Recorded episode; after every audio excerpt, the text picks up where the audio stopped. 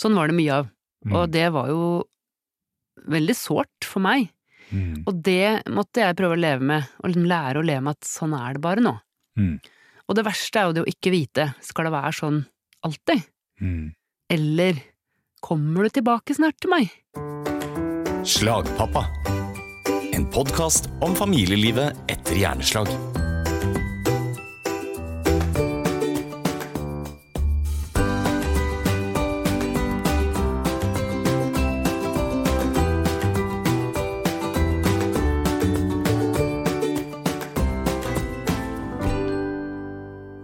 Velkommen tilbake til Slagpappa. Og i denne episoden så har vi en spesiell gjest. Og hei, Lina. Hei. De som har hørt på podkasten og også hørt meg holde foredrag, og, og kanskje lest noe av det jeg har skrevet, så har jo alt vært fortalt med min stemme. Men det kanskje ikke alle vet, er at mye av det jeg har sagt og skrevet, det kommer jo fra deg, Lina. Så da syns jeg at nå kan lytterne få høre hvordan det har vært for deg å være min nærmeste pårørende. Du har jo sagt flere ganger, eh, har jeg hørt da, på foredrag og diverse oppdrag du har vært, at eh, den som har hatt slag er ikke den beste kilden til informasjon og god fakta. Så vi har jo nødvendigvis hver vår versjon av sannheten, eller ja, historien da, hvordan har det her egentlig vært. Så som kona til slagpappa så kan jeg kanskje være en eh, bedre, eller i hvert fall alternativ kilde til informasjon. Ja. Ja, altså tror jeg du eh, Du har fått med deg en del som jeg ikke har fått med meg, og det, eh, det sier jeg også i disse foredragene, fordi fordi For et par år siden så ble jeg spurt av LO Lernslag og Fasi om jeg kunne delta på et pårørendewebinar. Det var midt under koronaen. Eh, Og jeg syntes det var litt rart å bli spurt om det, for jeg er jo ikke en pårørende. Men eh, siden jeg har snakket om barn som pårørende og familielivet, så ble jeg spurt. Men da, for at det skulle bli mest mulig troverdig og ekte, så spurte jeg deg, Lina, om eh, hvordan det har vært for deg. Og da fikk jeg et ufiltrert skriv på fire av fire sider i Word. Mm. En rant. Det var en ordentlig eh, rant, Det var, og- ja. Ja, min lille monolog om det å være en eh, pårørende, Mm. som ja, kanskje er litt sånn grunnmateriale for eh, ting vi kan snakke om her i dag. Mm. mm. Nei, så hvordan var den første tiden fra, fra jeg havnet på sykehus den onsdagen i desember 2017, hvor jeg lå på kjøkkengulvet? Ja, det var jo sånn lyn fra klar himmel-opplevelse for meg i hvert fall, fordi det begynte som en helt vanlig dag. Eh, Jeg sto i dusjen, og sto der vel egentlig ganske lenge, fordi jeg skulle på jobb og ha viktig arrangement om kvelden og skulle være vertinne på jobben og hadde mange jern i ilden. Og da jeg fant deg liggende på kjøkkengulvet, så ble jeg jo mildt sagt overraska, fordi ikke hadde du ropt opp trappa, og ikke hadde du prøvd å få tak i meg med mobilen. Ja. Så liksom, eh, hvorfor lå du der som en slappfisk og så i taket? Jeg ble jo egentlig litt provosert og irritert, husker jeg. Sånn, ja, hva er det nå, da? Ja. Jeg var helt sikker på at du overdrev, og det var en veldig barnslig første reaksjon, litt sånn irrasjonell første reaksjon, men jeg tenkte at du bare hadde lavt blodsukker eller noe, så jeg husker jo at jeg skulle prøve å gi deg noe saft og holde beina dine opp i været og sånn. Så kom jeg på det med prate, smile, løfte, Ja. tok den sjekken på deg. Men da var det ikke noe å si på det. Nei. Virka greit. Og så hadde vi jo en eh, liten gutt som løp rundt i bleia og skulle kle på seg helst, og, eller bli kledd på det, og komme seg i barnehagen. Mm. Så vi hadde jo mange baller i lufta, og vi Du fikk jo sagt noen ting Du Ja. snakka litt rørete, men eh, til slutt ble vi enige om at jeg skulle ringe et sted. Så jeg Mm. ringte jo Ringte ikke 113, når jeg ringte legevakta. Mm. Det var fryktelig dumt. Sånn sett i ettertid. Men det var sånn det var. Ja. Så du ble henta i ambulansen, og jeg overtok barn og liksom eh, greit, der for du. Og jeg tenkte, jeg vet ikke hvor de tar den med seg. Jeg vet ikke når han kommer hjem igjen. De ringer vel da, og gir meg noe beskjed. Mm. Eller du ringer kanskje da, eller sender meg en melding. Jeg stolte jo bare på, jeg fikk ikke beskjed om hva skjer nå. Så jeg måtte jo på en måte bare lukke den døra i hjernen og fortsette med mitt, Mm. som var å levere i barnehagen og gå på jobb. Mm. Og det har jeg også tenkt på i ettertid, at det kjennes som en irrasjonell ting Mm. å bare gå på jobb, som om alt var helt vanlig. Men det var ingen som sa til meg at jeg skulle bli med i sjukebilen eller skulle ha en rolle i det at du ble henta. Mm. Um, men jeg må jo si at sånn i ettertid så ble jeg både litt sjokkert og uh, ja, satt ut, da, over at ikke jeg fikk noen kommunikasjon med sjukehus eller altså det at du ble behandla akutt og tatt imot der. Mm. Jeg fikk ikke noen som helst oppfølging. Nei. Jeg visste ikke hvor du var, uh, før langt utpå ettermiddagen. Men hvordan fikk du vite det, da? Jeg tror egentlig at du sendte meg en melding, jeg. Men i mange timer før det så var jo du helt ute av stand til å gjøre noe som helst, og du ble sikkert fratatt mobilen eller det vet ikke jeg. Ja. Men eh, da jeg så deg igjen på sjukehuset, så lå jo du og gjorde sånne nevrologiske undersøkelser som å lukke øya og ta deg sjøl på nesetippen. Ja. Så de sjekka jo litt hva som var gærent, og så Ja, jeg kom vel for å levere deg en lader og noe, noe tannbørste og sånn småtteri. Ja. Mm. Og så fikk jeg høre at de eh, trodde kanskje du hadde krystallsjuke. Mm. Så det var jo ikke noe sånn masse rød flagg og Da føltes det jo plutselig litt overdrevet å hente deg i sjukebil. Så da fikk jeg jo egentlig litt beskjed om å bare gå hjem og senke skuldrene. Mm. Så sånn starta det. Eh, Det var jo først en god stund etterpå at vi fikk på plass at du faktisk hadde hatt slag. Ja, Ja. det tok 30 timer, det. Det tok 30 timer, og, eh, og sjøl da så husker jeg at altså, hele den første perioden der eh, ble jeg på en måte fortalt på den ene og den andre måten, da, Mm. at eh, vi hadde vært heldige, Mm. eh, det her kom til å gå bra, det hadde gått bra. Det var hovedbudskapet. Mm. Ehm, så jeg fortsatte jo å gå på jobb som vanlig, jeg. Du var på sjukehuset en god del dager, og jeg var på besøk der noen ganger, men, men det var mye å ta seg av hjemme med gutten vår og med jobben, og det falt meg liksom ikke inn et sekund at jeg skulle be om noen velferdspermisjonsdager, eller gå til min lege og, og sjukmelde meg litt, og den unntakstilstanden, den prøvde jeg nok bare å trykke ned og bort og ja, fortrenge, da. Mm. Så jeg tror at den fortellinga om at vi hadde vært så heldige, den fikk råde i veldig stor grad, og jeg følte meg ikke i stand til å protestere på den fortellinga. Vi ble liksom gitt den fortellinga, føler jeg. Ja, jeg må si at det er ikke alt dette her jeg husker, men jeg, men, men jeg husker det med krystallsjuken og vært heldig. Det husker jeg. Mm. Eh, og jeg lurer da på heldig i forhold til hva? Eh, det er iallfall jeg har tenkt på sånn i senere år, da.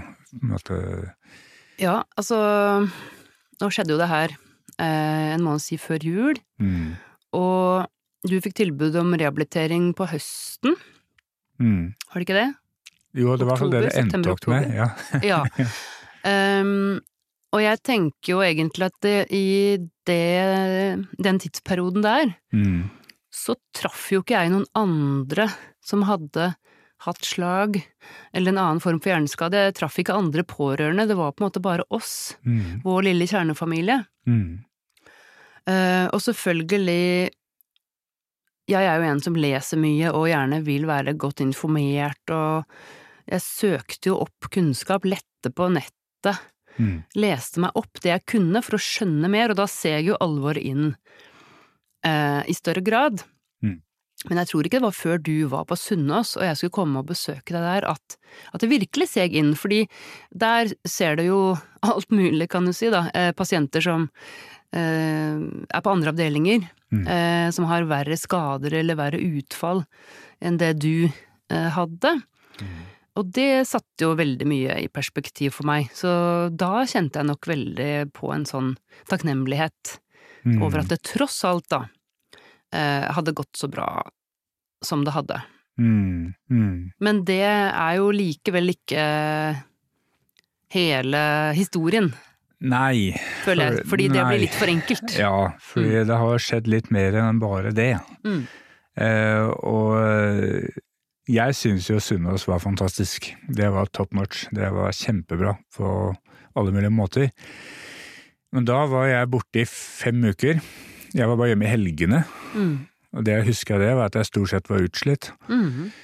Så øh, hvordan var de fem ukene for deg?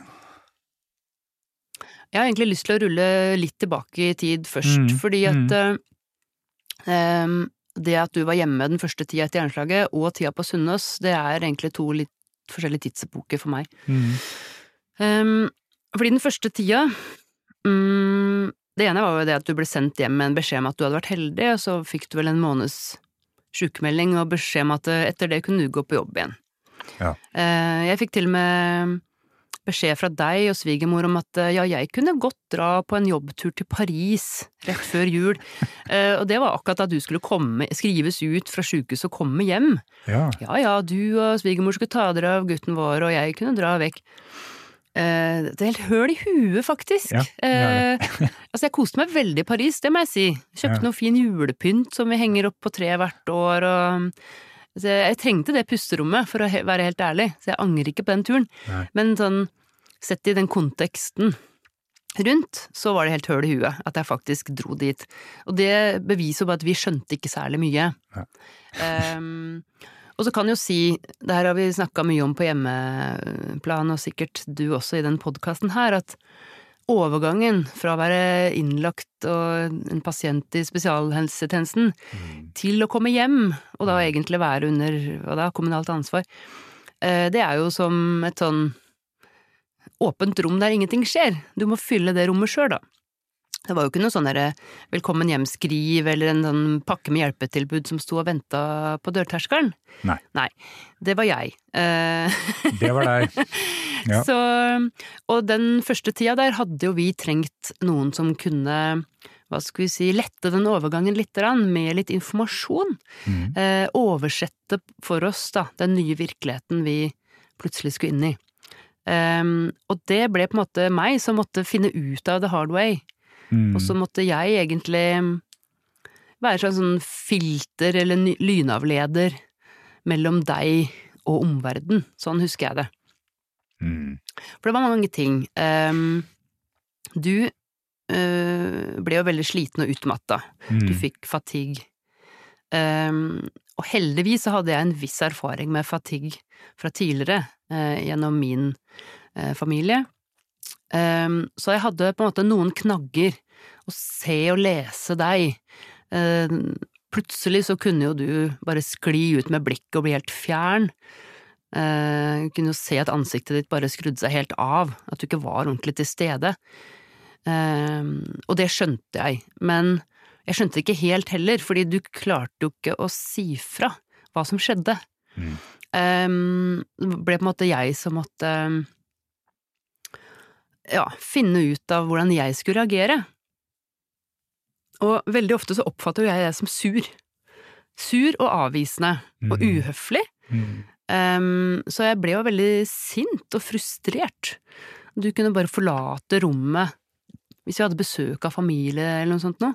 Ja. Så kunne du helt uten forvarsel og uten noen sånn derre uh, ja, setning bare gå. Ja. Så, så det med sosial kommunikasjon, da. Mm. Eh, Det å gi, sende fra seg, eller dele signaler, det var jo en utfordring. Mm.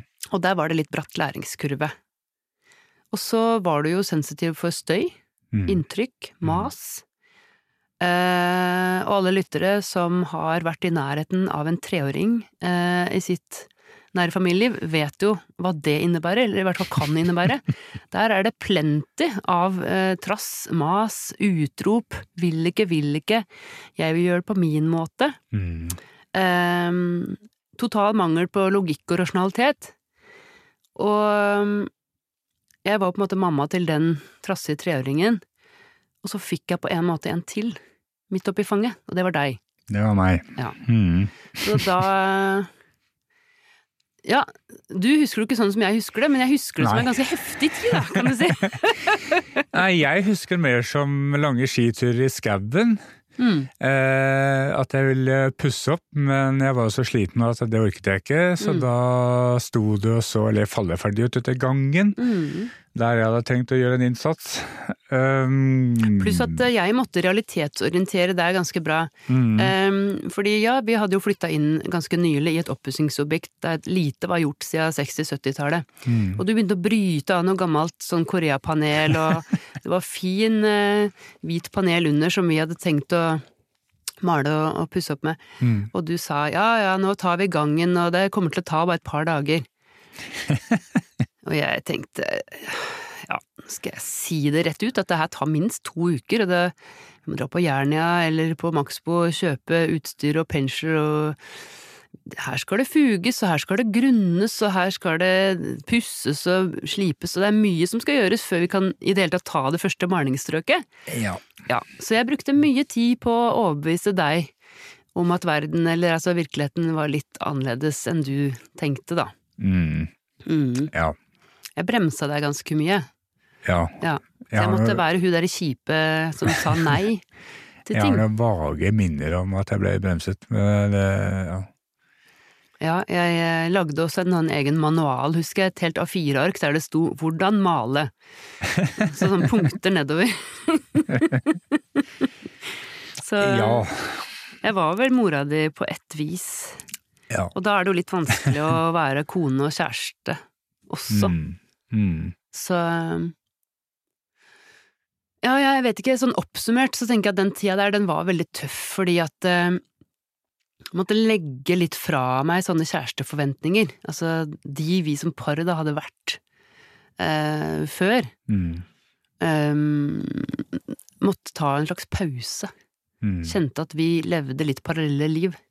Der du primært måtte tenke på deg og dine behov, og, og jeg måtte tenke på alt det andre. Eh, vi har jo litt på tøys og ganske mye på alvor snakka mye om det tredje skiftet, Mm, med hvem er det egentlig i en familie som husker på bursdagsgaver og innkjøp til eh, slekt og inviterer til middager og passer på at nå er barnas klær for små, og vi må huske å kjøpe nye til ny sesong, og vi trenger flere vintersko og akebrett og du vet.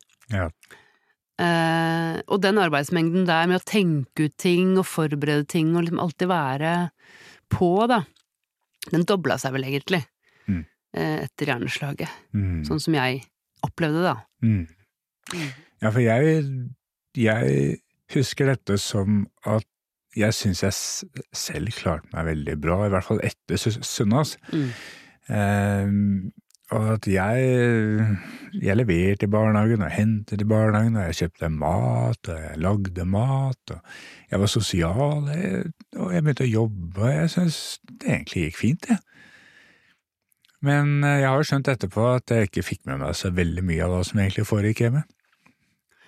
Altså, jeg tror jo at du var veldig Det er jo typisk, har jeg skjønt, et, etter hjerneslag og andre huetraumer, så er det lett at man blir veldig navlebeskuende, eller liksom har et tunnelsyn, da, på Mm. sine behov og sin situasjon, og filtrere bort eller ikke har evne da, til å få med seg alt det rundt. Mm. Og sånn var du, i hvert fall eh, i stor grad i starten, da. Men du lærte jo en del ting på Sunnaas Mm. som var veldig bra. Altså, jeg husker jo at dere satte opp en kalender for hvordan uka skulle deles inn i aktiviteter, opptrening, hvile, tur.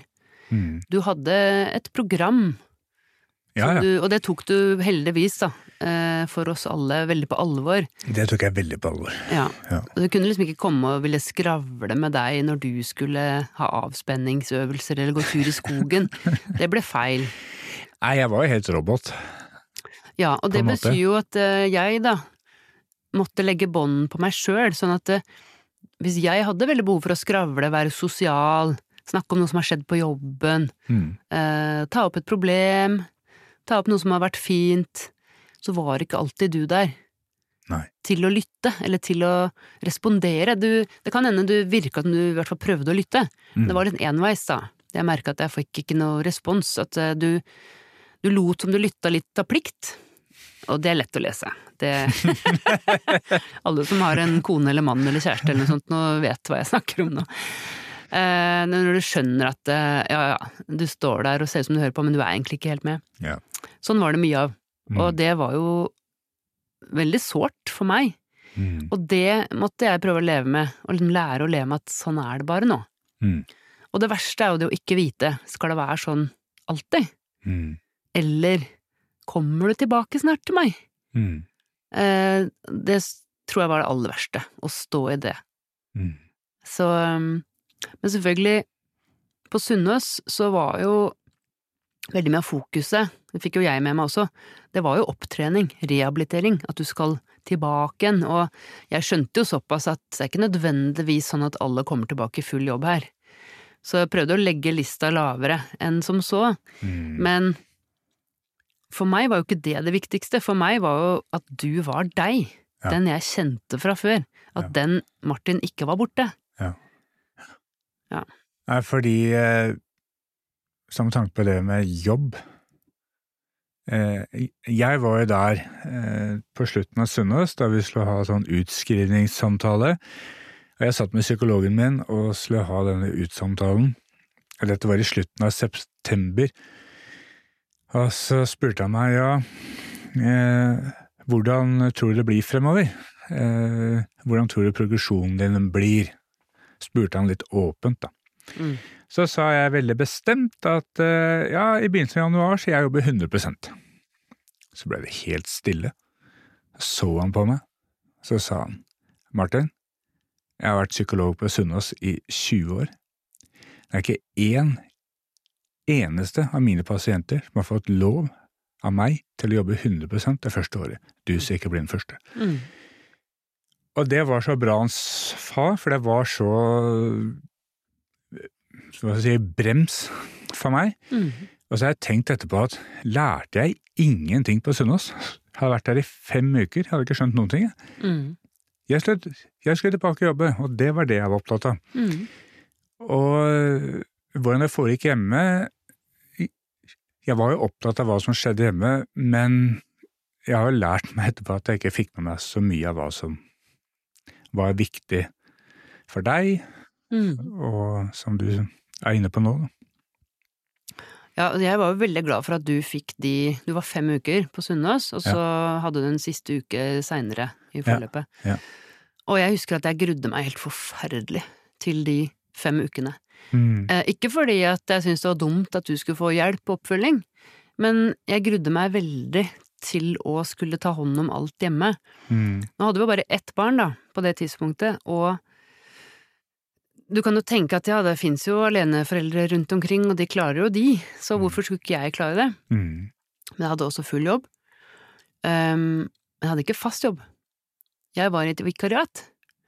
Um, og jeg har skjønt enda mer i ettertid, jeg skjønte der og da også at um, jeg er i en sårbar situasjon. Mm. Jeg hadde ikke lyst til å signalisere overfor min arbeidsgiver um, at jeg skulle gi meg, eller eh, vise svakhet, eller begynne å fuske og komme seint og gå for tidlig og liksom ikke Jeg skulle stå på og gi jernet og vise at dere vil ha meg, dere vil ansette meg videre framover. og jeg også ble realitetsorientert på Sunnaas, heldigvis. Mm. Fordi jeg hadde også en samtale med psykologen din, og sykepleieren din, Mm. og begge de to var helt fantastiske folk. Mm. jeg husker fortsatt ting de sa til meg, som var helt avgjørende, fordi det var ingen andre som hadde sagt det. Og da hadde det gått et halvt år omtrent, etter hjerneslaget. Eh, og da jeg hadde den samtalen med psykologen, så spurte han jo også sånn hvordan har det vært for deg, og hva tenker du? Og han ville jo bare lære meg litt generelt om de fysiologiske endringene rundt hjerneslag, og hva det kan føre til, og Mm. kognitiv utfall, da, i ditt tilfelle. Veldig mye av det visste jo jeg om fra før, fordi jeg hadde lest om det, men hvordan jeg skulle ta vare på meg sjøl, det var det jo ingen som hadde tatt praten med meg om, da. Nei. Og så spurte han også litt om jobbliv og familieliv og hva jeg tenkte rundt det. Og da fortalte jeg det at eh, ja, nå er jeg jo i full jobb, og det har vært hele veien, og da ble han litt stille. Og så sa han, jaha, så du har vært i full jobb i hele denne perioden og, og hatt alt ansvaret hjemme for barn og… jaha, prikk, prikk, prikk. Og bare det, han irettesatte meg ikke, og han ga meg egentlig ingen råd, men bare at han sa det, Mm. fikk meg til å skjønne at det ville ikke han forventa. Han ville forventa kanskje en pårørende som tok et steg tilbake og kanskje tok en eh, gradert sykemelding eller noe mer eh, permisjon Mm. fra jobben. Um, det hadde ikke slått meg at jeg kunne det, eller at jeg burde det. Så det var veldig viktig. Mm. Så, eh, så det var én ting som var viktig for meg med at du var på Sunnaas. Eh, og så var det den fantastiske sykepleieren, som også, husker jeg, ringte hjem til meg mens du var eh, innlagt der på rehabilitering, og spurte hvordan er det for deg nå? Og det var liksom første gang noen spurte meg om det så direkte, at Mm. jeg kunne grine, da, og åpne meg, og mm, slippe opp litt. Ikke, ikke måtte være så tøff og klare alt, liksom. For det, jeg brukte jo veldig mye energi på det. Å Mm. vise hele verden at uh, det her klarer vi. Jeg skal fikse det, holde det sammen og Ja. Mm. Så det å få lov å ta ned det skjoldet, da, noen ganger, det tror jeg er veldig viktig òg. Mm. Mm. Mm. Og så kom jeg hjem, og var på en måte nyfrelst. Ja, du var veldig nyfrelst. Ja. Det var jo Du hadde liksom vært på kurs og lært mange nye triks i boka, ja. Ja, ja. Mm, skulle følge det slavisk. Det var veldig slavisk. Det var jo eh, Heldigvis for meg så er jeg litt sånn petimeter av meg, så jeg syns det var veldig fint med skjemaer og planer og det er to timer det og én time det og tre timer det og det. var helt, det var, sånn, det var helt på minuttet. Det var ingen avvik i tre måneder. Eh, men jeg husker ikke så veldig mye annet fra den tiden enn at jeg trente sånne kognitive øvelser og drev med noe mindfulness og gikk i skauen og ja. Det var stort sett det jeg drev med. Du gjorde de tinga, og jeg var jo for så vidt glad og lykkelig over at du hadde det skjemaet og de planene, fordi Mm. det, det satte jo deg i aktivitet og ga en slags struktur. Fordi det hadde vært veldig tungt for meg å skulle gi deg den strukturen. Jeg hadde jo nok med å sette struktur på hverdagen ellers med jobb og barn og sånn. Slagpappa. Men så var det jo en del ting som ble mitt å bale med ganske alene, da. Og det blir det kanskje ikke snakka så uh, mye om, men på det tidspunktet da du fikk hjerneslag, da var jeg 37, Mm. og vi hadde en gutt på to, snart tre år, Mm.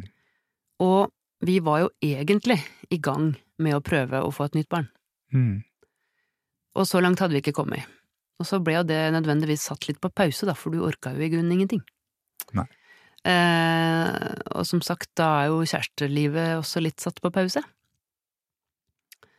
Så parallelt med at du eh, forberedte deg til å dra på Sunnaas og få stort utbytte derfra, du dro dit, kom hjem igjen, skulle holde deg til de fine nye planene og ukenskjemaene dine, så var jo jeg midt i planlegginga av å skaffe oss det nye barnet.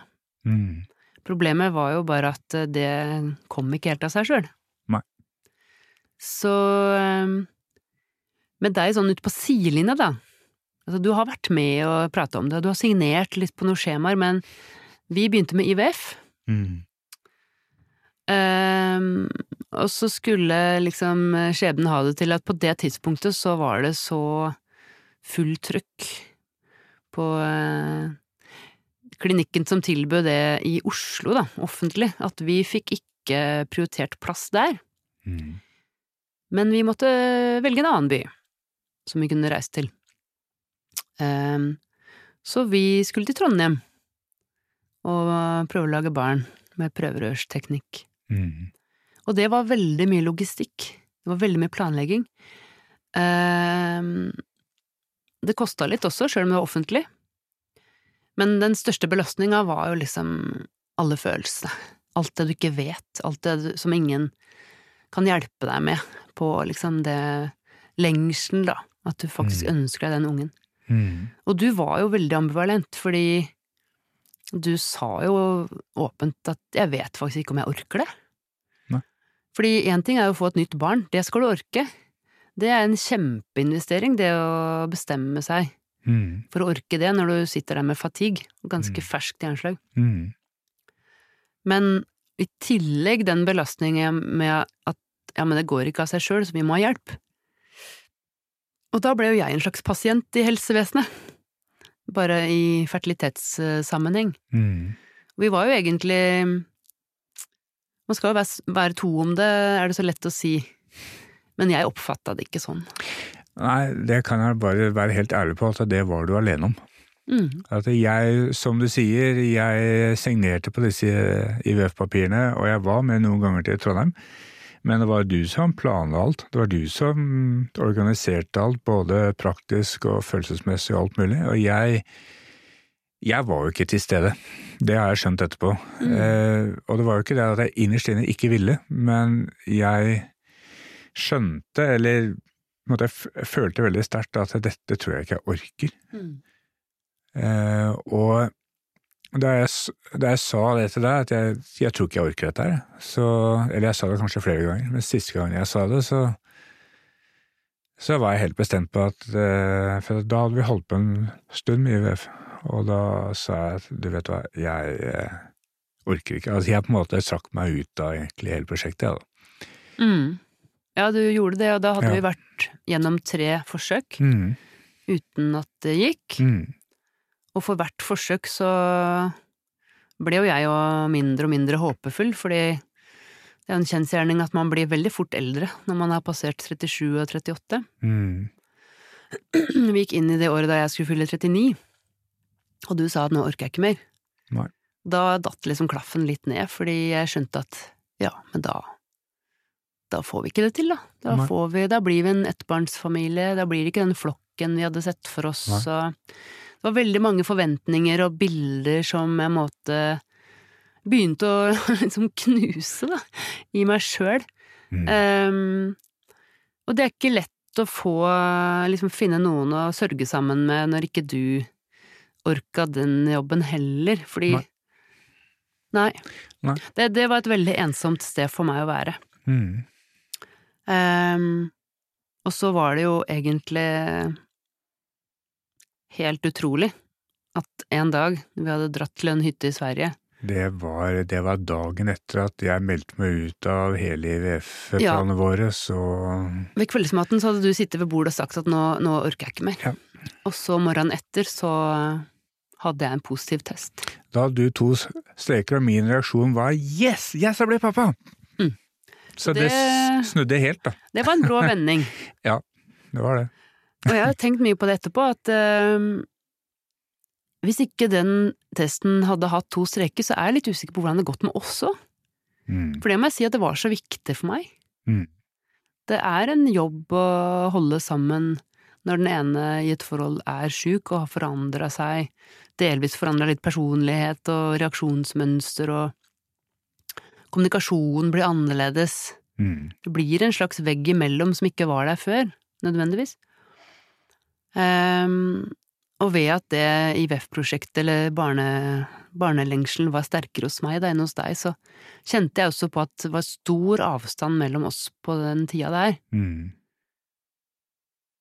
Men Mm. så Jeg ble gravid, og, og det gikk bra. Og jeg tror den sommeren Det er vel litt som, eh, hva heter det, et lands eh, utenrikspolitikk. Hvis du har et stort land full av indre motsetninger og sånn, for eksempel eh, USA eller Russland, sånne veldig store land, da, da lønner det seg å, å skaffe seg en felles ytre fiende Mm. for å holde, holde befolkninga på plass og sikre litt sånn indre fred. Mm. Jeg tror at hjerneslaget var den store ytre fienden for oss, Mm. som vi klarte å samle oss mot, da. Vi hadde noe å slåss mot, vi hadde noe å slåss og kjempe for, Mm. og det var liksom prosjekt oss, familien Mm. vår. Mm. Og eh, med et barn nummer to på vei, så ble det plutselig mye lettere for meg. Det ble også mye lettere for meg, Mm. fordi det Selv om jeg fortsatt var usikker på om jeg hadde helse til å være en tilstedeværende pappa for begge to, og til stede for deg, for da Utover den høsten, det var jo da ting begynte å skje også med meg, sånn eh, slagrelatert, at jeg begynte å forstå litt mer av eh, mitt slag, og at det hadde konsekvenser utover meg, utover meg selv, som jeg har fortalt mange ganger, og, og, og da skjedde noe med min bevissthet, og det var jo parallelt med at magen din gradvis ble større, og det var så konkret at vi og jeg hadde noe å glede oss til. Samtidig som, eh, som jeg forsto gradvis litt mer av hva som hadde skjedd, og det var, det var, ikke sånn at jeg fra den ene dagen til den andre skjønte alt hva du hadde stått i, men det begynte som å løsne lite grann. At jeg Og så tror jeg det hjalp veldig at jeg fridde. Ja. husker du det? At jeg fridde? Ja, det husker jeg. Ja, ja. Ja, for at I noen sånne mørke stunder, da du hadde fatigue og ikke orka noe, og jeg holdt i alt, og vi mm. levde litt parallelle liv, så Jeg husker ikke om du sa det, men jeg tror du var veldig redd for at jeg skulle gå. Det var jeg. Fordi eh, det Man hører jo historier om at sånn ender det for noen, ikke sant. Man orker ikke å stå i det der over tid. Mm. Man, blir, man gror fra hverandre, eller man blir for ulike. Ja, jeg var veldig redd for to ting. Eh, det ene var at du skulle gå, og at jeg skulle ende opp som uføretrygdet. Mm. Tidligere har jeg bare sagt det med uføretrygdet, men eh, enda viktigere var at jeg var redd for at du skulle gå. Og at jeg ville bli sittende alene, mm. med på en måte ingenting. Ja, for det Jeg tror et frieri Eh, direkte hadde god, altså god direkte innvirkning på rehabiliteringa di, da. ja, det hadde si det. Kan anbefale det. Ja. Hvis det er ektefølt, i hvert fall. Hvis det er ektefølt. Ja, for det var faktisk like før Sunnaas, det. Og så giftet vi oss eh, året etter. Mm. Og da var du på god vei i graviditeten med nummer to. Mm. Som nå også er tre år, snart fire. Ja. Og Naturlig nok, jeg husker jo ikke så veldig mye av hvordan det var å ha en treåring. Så for meg så er jo det som du og mange rundt meg og rundt oss sier at ja, men det er helt naturlig at en treåring er så sint og trassig og vil ikke og sånn. Jeg husker ikke så mye av det med nummer én. Men med nummer to så får på en måte jeg oppleve hvordan det er. Mm. Uh, heldigvis så har jeg litt mindre fatigue nå enn jeg hadde da for fem år siden, så det er veldig bra. Ja, for ja. Eh, og det Heldigvis, fordi jeg var jo så redd for at jeg ikke skulle klare det. Mm. Og selv om det går litt opp og ned, og det går litt frem og tilbake med å ha to barn og være en familie, men, men, men sånn summa summarum så går du riktig vei. Mm. Ja. Men jeg har tenkt mye på Man sier jo hele tida at uh, det trengs en hel landsby for å oppdra et barn og mm. sånn, og så er vi kanskje litt annerledes organisert i vårt hverdagsliv nå, i hvert fall i Norge i dag. Det er veldig vanlig at du har to voksne som jobber i fulle jobber, eller mm. tilnærma fulle jobber, og det er barnehage, og det er skole, og det er aktiviteter og fullt gir, og så mangler man kanskje litt den landsbyen, da. Mm. Og man trenger den landsbyen enda mer Eh, hvis for eksempel da kommunen eller andre hjelpetilbud eh, er fraværende. Mm. Så jeg tenker jo at den hjelpa vi har fått underveis har vært helt uvurderlig, sjøl om det aller, aller meste har vi klart sjøl. Mm. Men eh, for eksempel da at de fem ukene du skulle på Sunnaas, jeg holdt på å svime av bare ved tanken på hvordan jeg skulle greie det. Um, så inviterte jeg jo faktisk søstera mi til å komme hjem til oss og bo sammen med meg, mm. og være med og hjelpe til i hverdagen med å handle inn til middag, mm. kunne hente en dag i barnehagen, kunne levere en morgen i barnehagen, sånn at jeg rakk møter, ting mm. jeg skulle på jobben. Mm. Og jeg klarer liksom ikke se for meg engang hvordan jeg skulle fått det til å gå opp uten den hjelpa. Det er én ting. Um, og en annen ting er at um, jeg var så heldig på det tidspunktet at jeg hadde en helseforsikring gjennom jobben. Så jeg fikk faktisk tilbud da om å gå til en psykolog. Mm. Og det var jo mye jeg trengte å fordøye, det var jo midt i barneforsøket. og det å fordøye at du hadde hatt hjerneslag, og hvem er vi nå, hvem er jeg nå, eller hvem, hvem skal vi bli? Mm. Mm. Um, og det var den psykologen som fikk meg til å innse at jeg egentlig var på vei rakt inn i en utbrenthet. Mm. Fordi det ville ikke jeg innse. Mm, jeg ble veldig provosert, alltid vært en provosert av sånn yoga, pust og det Jeg tror ikke jeg orker, jeg er litt for rastløs til det. Mm. Men eh, jeg vil i hvert fall ikke bli instruert i hvordan jeg skal puste og bli fortalt hvordan jeg skal fikse ting. Men hun hørte nok at jeg snakka veldig fort, Mm. litt sånn akutt, hektisk, overfladisk pust. Eh, en slags angst, antagelig. Jeg hadde ikke sjans til å innse det sjøl. Og hun sa at eh, hvis ikke du bremser nå, så kan det ta veldig lang tid for deg å komme tilbake igjen. Mm. Og da ble jeg redd, fordi jeg tenkte ok, vi har jo et barn vi må ta vare på, og nå er jo ikke du helt top notch, så jeg må faktisk være det, og når jeg kanskje begynner å vise noe svakhetstegn, da er det fare på ferde. Mm. Så, så hun var grunnen til at jeg klarte å faktisk gå og sjukmelde meg i en periode. Og det er jeg evig takknemlig for, fordi det har jeg merka i flere år etterpå. Selvfølgelig, alt henger sammen med alt, nå har jeg fått et nytt barn, da kommer det søvnløshet og ammetåke, vi har vært gjennom covid og nedstengning og alle har vel opplevd å glemme navn og ikke finne det rette ordet Mm. etter det, men det var ting jeg glemte, det var ting som forsvant også hos meg. Eh, og jeg tenkte vi kan ikke risikere at vi blir to sånne voksne i familien, som ikke fungerer. Så det var veldig viktig for meg, faktisk, at eh, ja, å få et, et sånt signal veldig tydelig, da, en helt tydelig oppfordring om at Mm. vet du hva, nå må du roe ned Mm. og ta vare på deg sjøl. Fordi ellers hadde jeg nok blitt en veldig dårlig pårørende, da ville jeg blitt den der nye potensielle pasienten. Mm. Mm. Mm. Ja, det er en skikkelig dårlig løsning. Ja, og det som vi vet, det skjer jo mange. Eh, og så er det jo noen, og du er jo en av dem, da, som har klart å stå i den rollen som pårørende. Og det, det var noe jeg tenkte på og følte veldig på mens du var på Sunnaas. Faktisk så var jeg sjalu på deg. Du var der eh, på sånn flott sted med utsikt over fjorden og fikk servert god mat, og eh, du var omgitt av fagfolk som skulle vurdere helsetilstanden din og følge deg opp og gi deg råd om hvile og avspenning og treningsøvelser, og du fikk aktiviteter, ja, dere gjorde morsomme ting, liksom, dere gikk tur, og du fikk sove gode netter uten å bli vekka av et lite barn, og du fikk interessante foredrag om hjernen og hvordan den fungerer, Mm. Og, og du hadde folk rundt deg hele tida som roste deg og heide deg fram, da. Mm. Ja. Mm. Det hadde ikke jeg.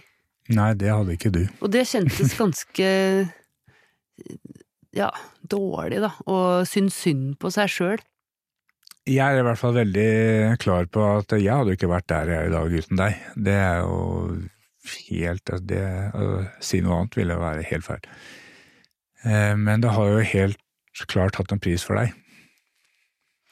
Ja, jeg tenker jo at eh, jeg har måttet jobbe mye med meg sjøl når det gjelder å hva skal vi si, senke forventningene. Det er jo veldig fælt, det høres veldig kjipt ut, Mm. men det er helt sant. Mm. Og ikke forvente at nå skal ting være veldig fint og nært og rosenrødt.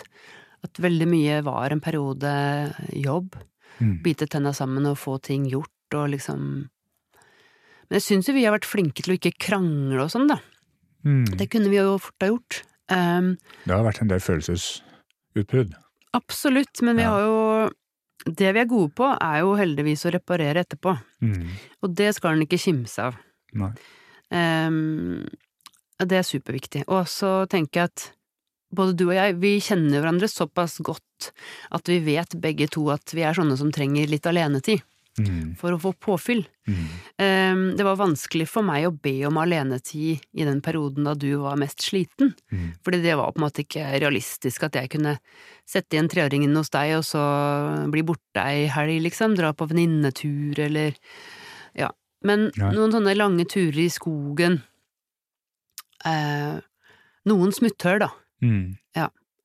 Um, og jeg er jo en som skriver, i tillegg til jobben, så det er viktig for meg. Det å, du hører på musikk, ikke sant, det er viktig Mm. for deg. Mm. Vi er begge to sånne som liker å gå i skogen, men ikke nødvendigvis alltid sammen. Vi liker oss veldig godt alene også i skogen, og, Mm.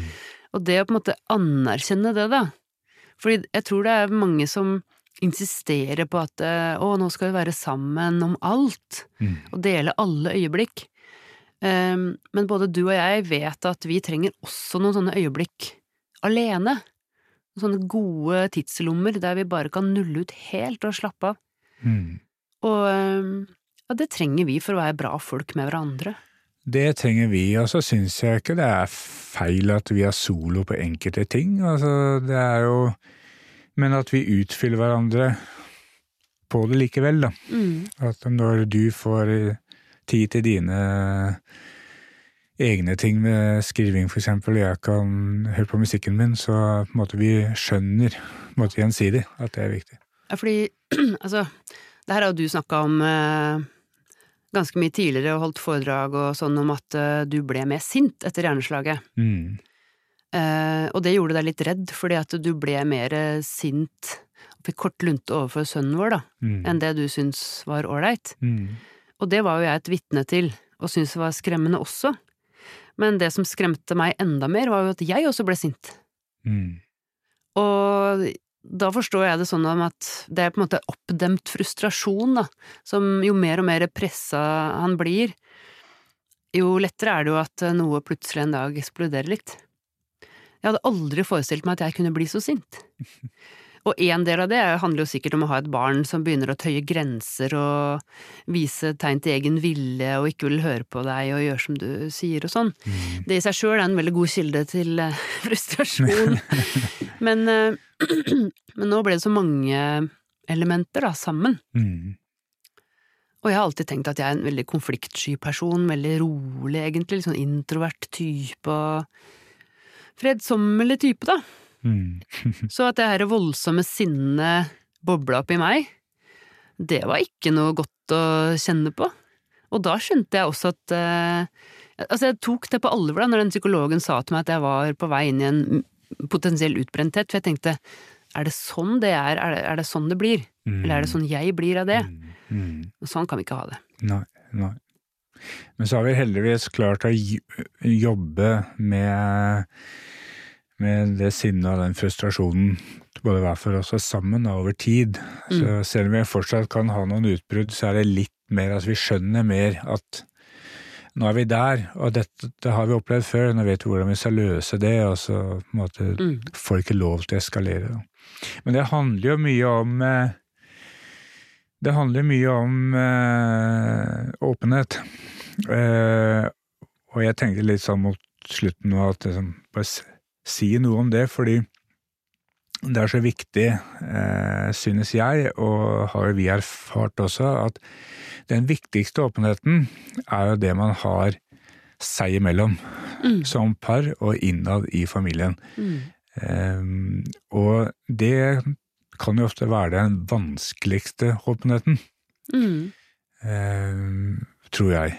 Og det er der man må jobbe mest, og det er der man må gå noen runder med seg selv hvis man eh, i utgangspunktet ikke var en som var så åpen. Da. Nå er vi litt av natur, vi er jo litt sånn skrudd sammen at det faller mer naturlig for oss å sn- sn- snakke åpent om det som er vanskelig, og følelser og og bra er jo det, det er jo ikke sikkert dette hadde gått så bra hvis vi ikke var så åpne.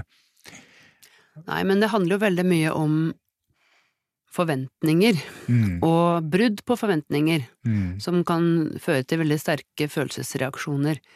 Og det er jo både i liksom kjernefamilien da, og i parforholdet, men også kanskje for storfamilien og venner. Um, For eksempel at uh, du har jo eh, i mindre grad blitt med når vi besøker min familie, mine foreldre. Mm. I starten etter hjerneslaget så orka jo ikke du det, fordi at du ble helt utslitt av sånne sosiale ting. mm, Og da var jo jeg avhengig av å forklare det for mine foreldre. mm, Eh, og heldigvis har jo dem vært veldig forståelsesfulle og blir ikke snurt av den grunn, men jeg vet jo at veldig mange andre de presser seg til ting sosialt, for eksempel, som de egentlig ikke orker. Mm. Fordi det er forventninger. Mm. Hvordan man skal ha det på bursdager, julaften, feiringer, søndagsmiddager. Ja. Og det å si nei til ting er vanskelig. Det er Det å liksom avvike fra tradisjoner er vanskelig. Mm. Gjøre ting på en annen måte. Mm. Um, men uh, jeg tenker jo at det handler jo ikke bare om når man har hatt hjerneslag og sånn, men um, å forberede hverandre, da. Mm. Å planlegge. Det er også en type åpenhet som jeg tenker er veldig, veldig viktig. At vi bruker kalenderen veldig aktivt. Mm. Vi er jo sånn fortsatt at eh, når skal jeg få en helg for meg sjøl? Og når skal du få en helg på hytta? Mm. Ikke sant? Vi diskuterer sånne ting fordi at det er veldig viktig å ha noe å glede seg til. Mm. Vite at det kommer et pustehull. Mm. Og det Og at vi har noe å glede oss til som vi skal gjøre sammen. Mm. Alt det må vi snakke om. Ja. Og snakke om hva vi orker, hva vi ønsker oss, hva vi ikke har så lyst til. Mm. Og da blir det bedre for alle. Da blir det bedre for alle. Mm. Mm. Mm. Vi kunne sikkert ha snakket enda mye mer, Lina, men jeg syns vi nå har på en måte kommet til et eh, punkt hvor eh, vi fint kan avrunde. Mm. Og eh, det var jo veldig fint å ha deg her som en spesiell gjest. og det setter jeg veldig pris på. Og nå var jo dette den tiende episoden og den siste av podkasten Slagpappa. Og da ønsker jeg å holde en liten sånn takketale. Takk til alle i redaksjonen, både frivillige i LO Hjerneslag og afasi, og fagpersoner fra Oslo universitetssykehus og Sunnaas for verdifulle innspill. Takk til alle gjester som har fortalt sine personlige historier og har delt av sin kunnskap. Takk for alle meldinger, e-poster, kommentarer på sosiale medier og folk jeg har snakket med som har hørt på podkasten, og til alle som har delt podkasten på sosiale medier og anbefalt den videre. Takk for at du har hørt på podkasten. Og nå blir podkasten liggende ute på Spotify og Apple Podcast, og du finner også Slagpappa på Facebook og Instagram, og på slagpappa.com. Podkasten er produsert av Megahertz Studio i Oslo og laget i samarbeid med LO Jernslag og Afasi. Prosjektet er støttet av stiftelsen DAM. Mitt navn er Martin Aasen Bricht.